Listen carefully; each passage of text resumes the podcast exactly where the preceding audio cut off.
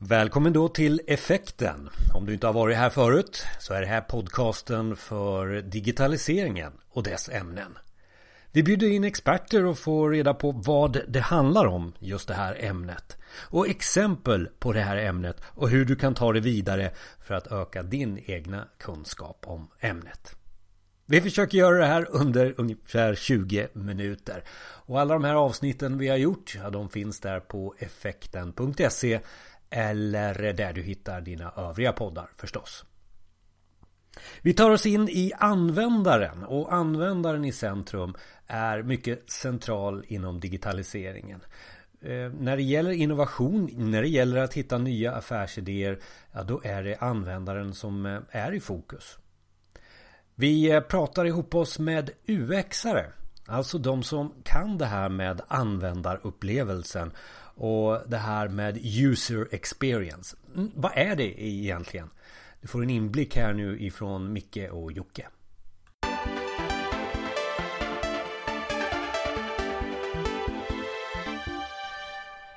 Välkommen till Effekten. Det är jag som är Jonas Jani och vi pratar om användaren i fokus. Och idag har vi i studion med oss eh, två vänner måste jag väl säga. Vi börjar här till, till höger om min mick. Joakim Linnart, UX-designer. Och på vänstra sidan i ringen så står Micke Norbeck, också UX-designer. Jag hör redan att vi kommer bli ett intressant samtal. UX eh, kallar ni er. Eh, vi börjar där bara. UX bara så vi förstår alla de här bokstavsförkortningarna. Det brukar vara skönt. Då. User experience, alltså användarupplevelse. Så vi designar upplevelser för användare helt enkelt. Och, och det, då är det inte bara att ni designar eh, så här och jag ritar så röd knapp och, och sådär. Utan det handlar om mycket, mycket mer än bara det. det här Precis, där pratar vi ju mer om eh, UI då, alltså interfacet, user interface, eh, användargränssnittet. Så user experience och användaren i fokus och vi ska prata lite runt om det här. Vi, vi hade ett avsnitt om det här Eh, för nästan ett och ett halvt år sedan. Eh, så det intressanta med det här avsnittet kommer ju bli Vi kommer titta lite på vad, vad är vi idag? Vad har vi lärt oss under det här halvåret? Vad, vad, vad är användaren någonstans? Och vad hjälper vi användaren med nu? Eh, till skillnad från ett och ett halvt år sedan. Vad ser ni framför er runt omkring det här? Så att Så på ett och ett halvt år UX-rollen i sig Har den förändrats? Jocke? Alltså det blir viktigare och viktigare att eh, att komma längre och längre in i organisationer. Eh, att påverka på rätt nivåer. Eh, UX eh, för några år sedan så kanske det var mer handlat om eh, eller det handlar ju fortfarande om användare, om man ska träffa användare, om man ska göra användartester och allt det här. Men, men att för att verkligen kunna påverka eh, det användarna behöver eller vill ha eller måste ha när vi, när vi utreder vad användarna behöver och så vidare. För att kunna påverka det så måste vi djupare och djupare in i organisationer. Eh, Vad är djupare? Alltså är det affärssidan, säljsidan eller? Eh, ja, eller det du menar då eller? Det, allt nästan. För allt. Det, det, är svårt att separera en, ett, ett gränssnitt från en produkt och från ett företag, från ett varumärke, från en tjänst och allting.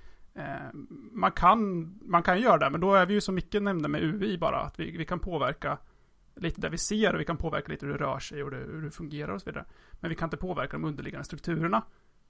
och det är väl där det största skillnaden skulle jag säga Ehm, på senare tid. Ja, får jag ta en annan twist på det Visserligen lite längre perspektiv. Och det är ju att ehm, för, för, ja, för 20 år sedan så, så kom webben och då jobbade vi med webb i fokus i, i 10 år. Vi som jobbar med användbarhet. Väldigt mycket, det är klart vi jobbar med annat också. Men, men då blir det mycket yta, mycket gränssnitt. Sedan så, så var det en tioårstrend här med, med mobilitet. Så då har vi vidgat oss lite till flera typer av skärmar och flera typer av situationer, lite mer i olika kontexter eh, och sådär. Och det vi har framför oss nu är ju kanske tio år med, med AI. Och då, om vi tror att det är det som är eh, nästa eh, period. Och då, då kommer vi få jobba med, med helt andra verktyg och andra sätt att hjälpa användaren i olika situationer. Och, och det gäller väl att, eh, som jag uppfattar också era roller, det är att försöka hålla användaren i handen hela vägen till nytta. Är det, är det så man kan säga. Och eh, nyttan i AI är en utmaning. Nyttan i, i, eh, som du sa, mobilitet här är någon. Eh, och du Jocke pratar om, jag får ta det här med affären framför mig. Så hur leder vi den bästa, hur gör vi användaren så att den skapar den bästa affären till exempel försäljningsmässigt? Eh, men, men har ni den här kunskapen hela tiden? Eh, alltid universalt? Är det en universal kunskap som man har som UX-are att hjälpa användaren oavsett vad det är som händer runt omkring tekniskt? Ja, missionen eh, är väl ganska stark. Att det är det man vill göra, att man vill skapa den optimala användarupplevelsen. Sen verktygen och det kan ju förändras förstås. Ja, man utgår ju alltid från behoven och eh, empati och, och, förstå användaren och, och känna. Eh, och där spelar det ingen roll vilken teknik som ligger framför eller bakom eller hur, hur det fungerar utan det kan vara vad som helst. Eh, så på det sättet så är det inte eh, så, är det, så kan man använda sin kunskap som man har sedan tidigare så att säga. Men sen måste man ju anpassa och vinkla och, och vrida på det lite för att det ska fungera med den nya tekniken. Och det, det, man kan ju gå lite djupare och ha lite exempel. Och vi kan väl ta lite exempel på Jag vet att ni har varit eh, dels ute och trendspanat lite. Varit på en del mässor. Senast var det i UX London tror jag det hette va? Eh, var, var, är vi någonstans om vi tar exemplifierar det här som vi pratar om nu? Eh, var ja, är vi? vi? Ja, det, vi är väl på väg där. Eh, det jag försökte nämna här med, med artificiell intelligens. Eh, och olika typer av, av analys av, av data. Eh, så att eh, du, allt som har med ansiktsigenkänning eller röstigenkänning eller röststyrning eller eh, andra typer av inputs än tangentbord och mus eller pekfinger, eh, tumme. Liksom. Alltså allt du kan göra med, med, med kroppen i övrigt. Det, där, det är dit vi är på väg. Och vi, det konstiga där är ju att vi, vi pratar inte någonting i princip om VR och väldigt lite om AR och, och sådana saker. Utan det, just nu så är det ju jättemycket röst. Det Micke säger Jocke tycker jag låter som, ska vi designa utan skärm nu? Är det, är det dit vi är på väg? Jag ja, kan, kanske. Jag är ju lite mer konservativ än Micke eh, när det gäller sådana saker. Men alltså, det är ju mycket av den här utvecklingen drivs ju av teknikbranschen och inte av användarnas behov egentligen. Eh, sen finns det vissa som har behov av de här gränssnitten självklart eh, av olika anledningar. Men eh, ja, ibland så undrar man lite, eller undrar jag i alla fall, om det är så att är det, är det AI eller liksom röststyrning i sig som är lösningen? Eller är det bara någonting som teknikföretagen, det här är det senaste som vi behöver just nu. Och för några år sedan var det VR. Det slog inte riktigt. För några år innan det här var det säkert något annat som jag inte kommer på nu. Men, eh, så jag är lite mer konservativ med det här. Eh, är det är det här vi kommer att syssla med i tio år? Eller kommer det här revolutionera hur vi använder, eh, hur vi löser våra problem dagligen? Eh, mobiltelefonen eller smartphonen var ju en sån som revolutionerar verkligen hur alla, den förändrar ju vår fysiologi till och med, att folk får gamnacke och så vidare. Eh, men kommer det här påverka oss lika mycket eller kommer det här vara en liten sidogrej som vissa har nytta av? Eller kommer det, hur mycket kommer det påverka samhället stort? Ja, det som är häftigt med AI är ju att det efterliknar mänsklig kommunikation. Och, och det där har ju varit rätt kackigt genom åren. när man, ja det är det fortfarande när man pratar med Alexa eller någon Siri eller någonting. Att man säger eh, slå upp vädret i Stockholm. Istället för, kan du kolla vädret i Stockholm eller?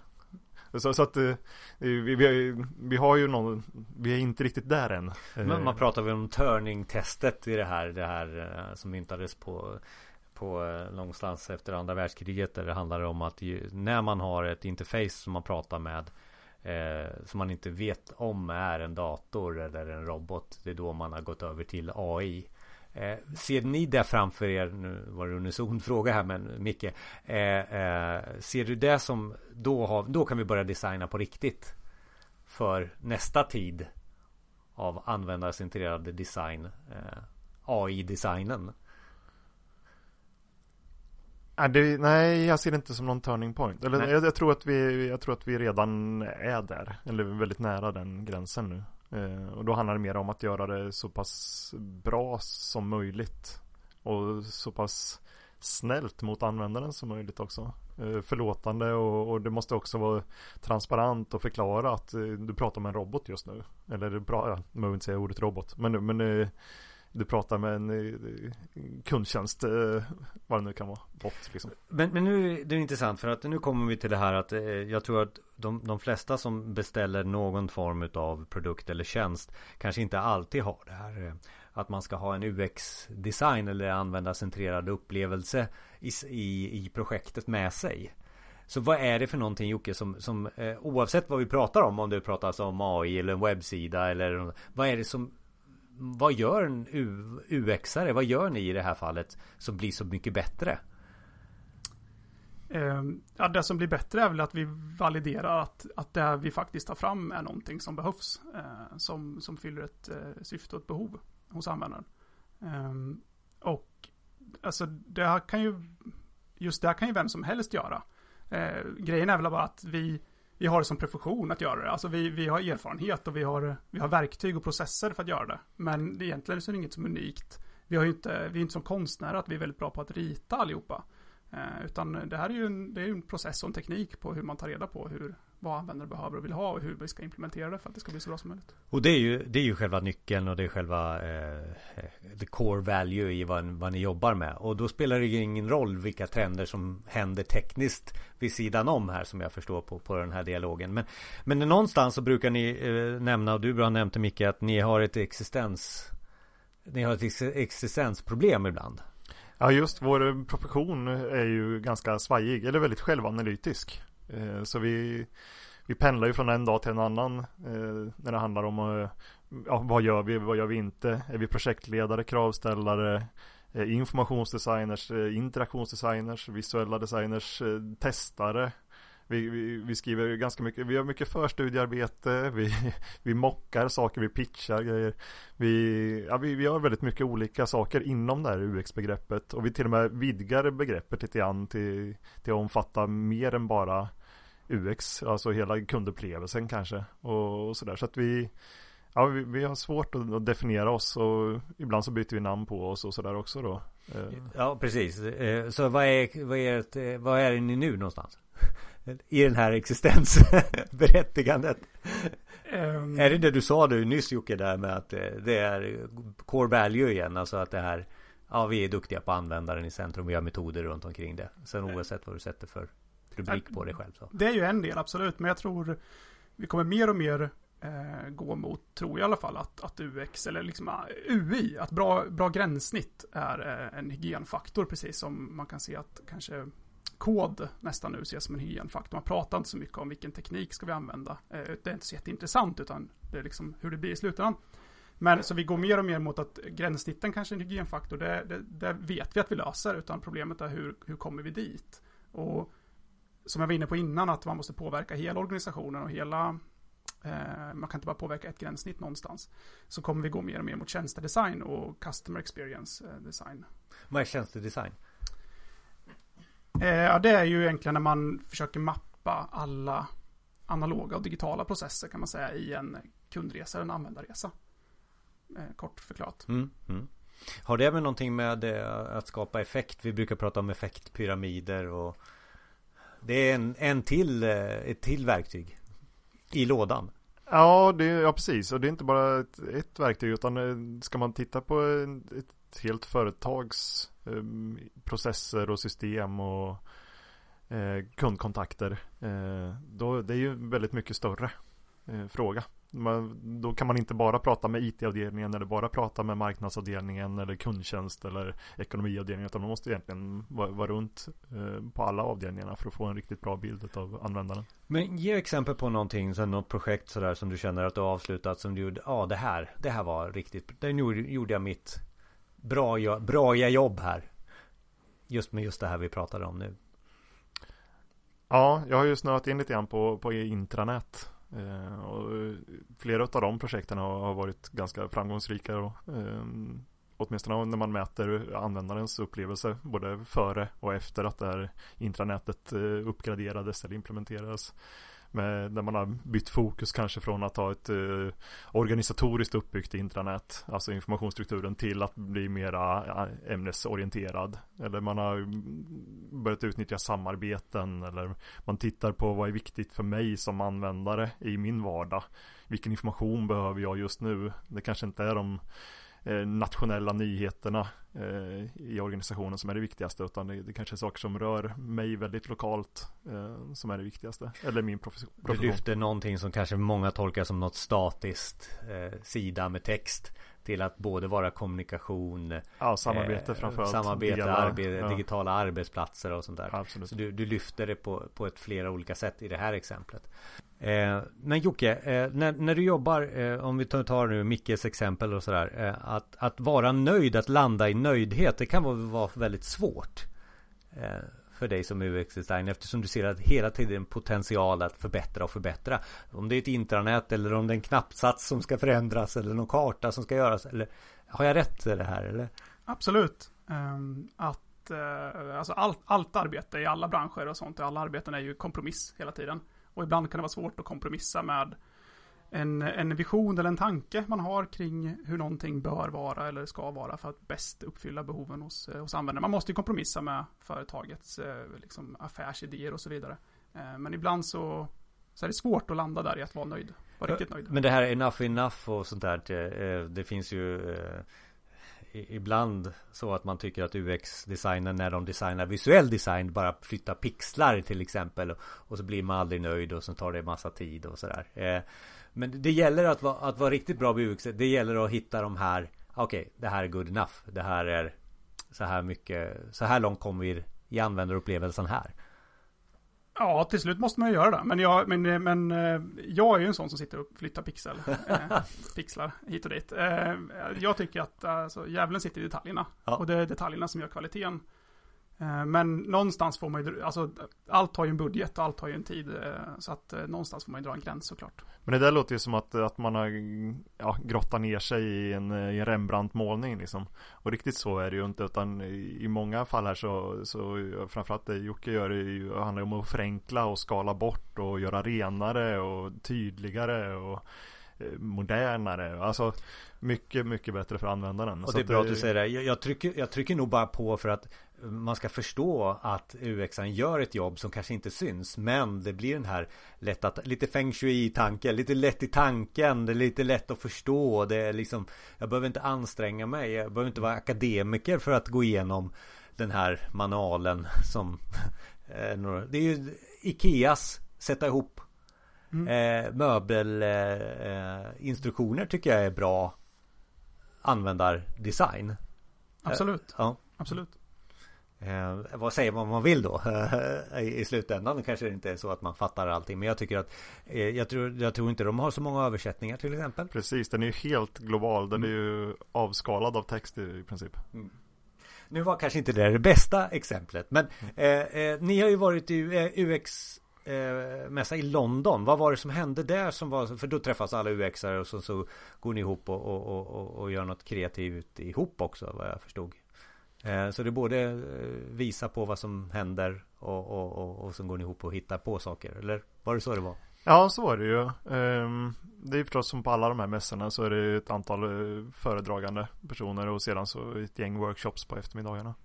Och mycket av det vi gjorde i workshopen handlade ju om att, att ta fram nya idéer med gamla tekniker kan man säga. Eller med befintliga tekniker.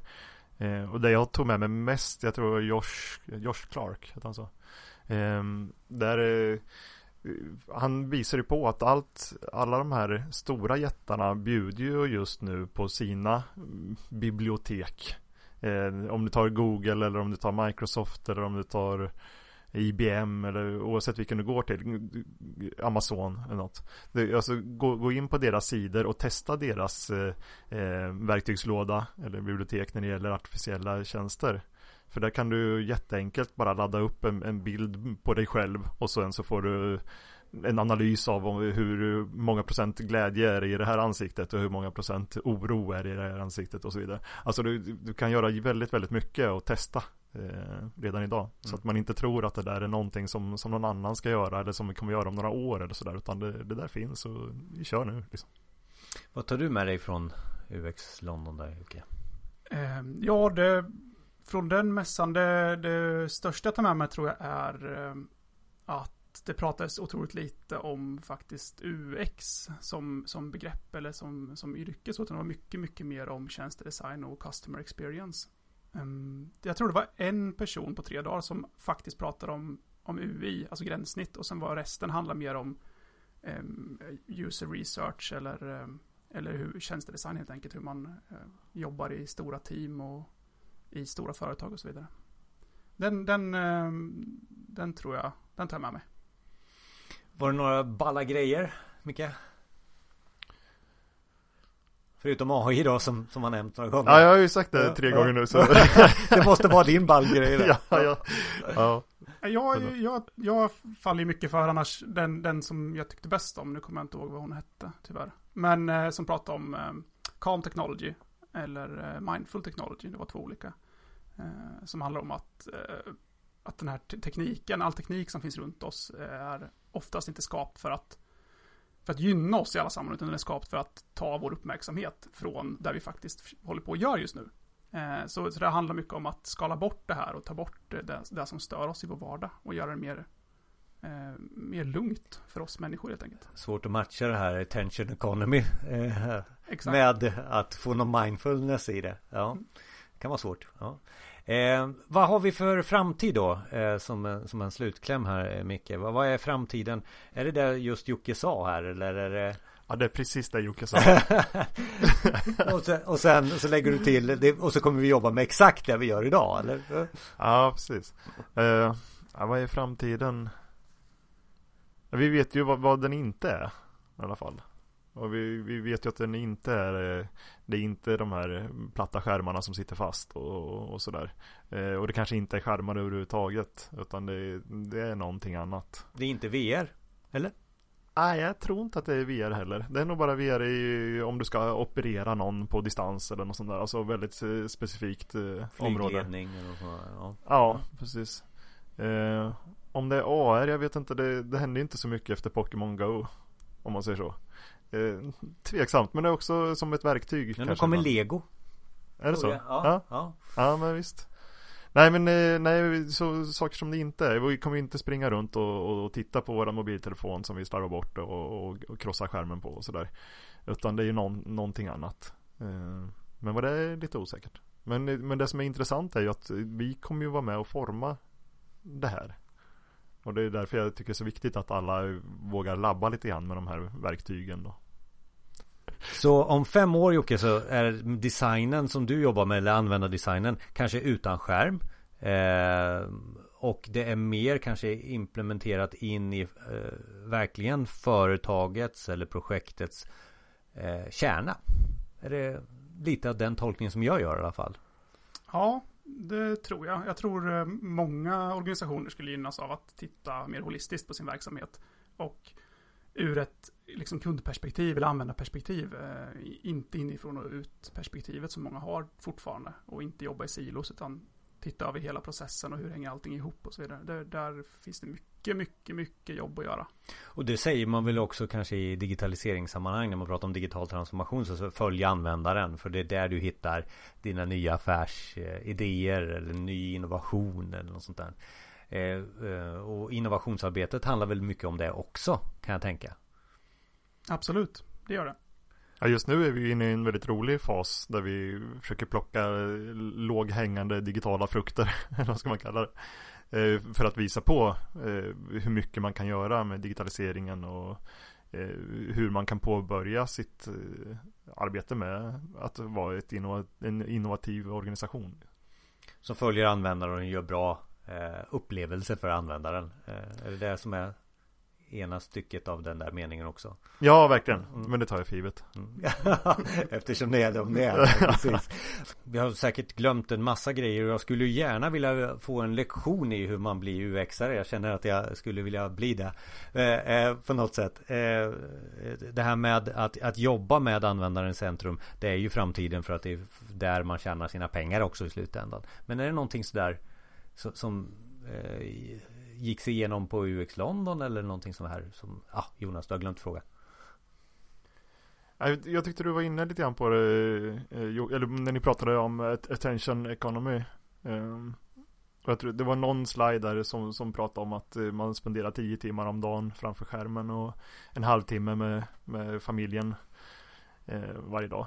Och, och, det där är ju någonting som som man nog ska fundera på. Eh, rent generellt, inte bara den som designar utan även eh, användaren. Utav, det är väldigt lätt eh, att ta del av eh, alla eh, nya tjänster som kommer. För alla nya tjänster är designade för att du ska trigga på det. Du ska få en njutning, du ska få en eh, allt från Netflix till, till att eh, du har gamifierat någonting. Alltså att du um, allt handlar om att du ska bli lite tillfredsställd och nöjd eh, och därmed inte göra det du kanske hade tänkt göra.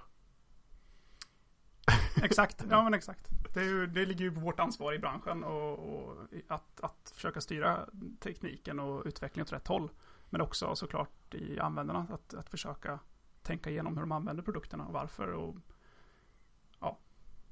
Ja, för vi går ju mot någon form av samhälle där eh, attention economy som vi pratade om här finns överallt och man blir stressad av allting som eh, när jag jobbade med media för flera, flera år sedan var det 2500 budskap man möttes av varje dag. Men nu är det väl jag vet inte hur många mer gånger mm. det är. Så att eh, här finns UX eh, bland annat.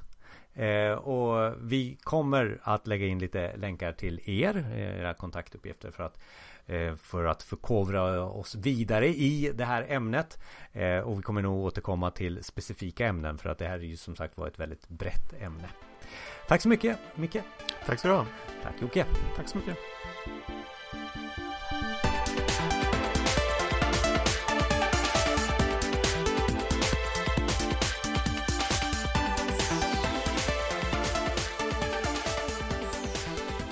Tack för att du lyssnar på effekten och vi uppskattar verkligen att du lyssnar. Lägg också in prenumeration utav podden på iTunes eller på effekten.se eller där du hittar poddar. Det skulle betyda oerhört mycket för oss. Vi gör då bättre produktioner och vet precis vilka ämnen vi ska ta upp för att inspirera dig vidare i digitaliseringen.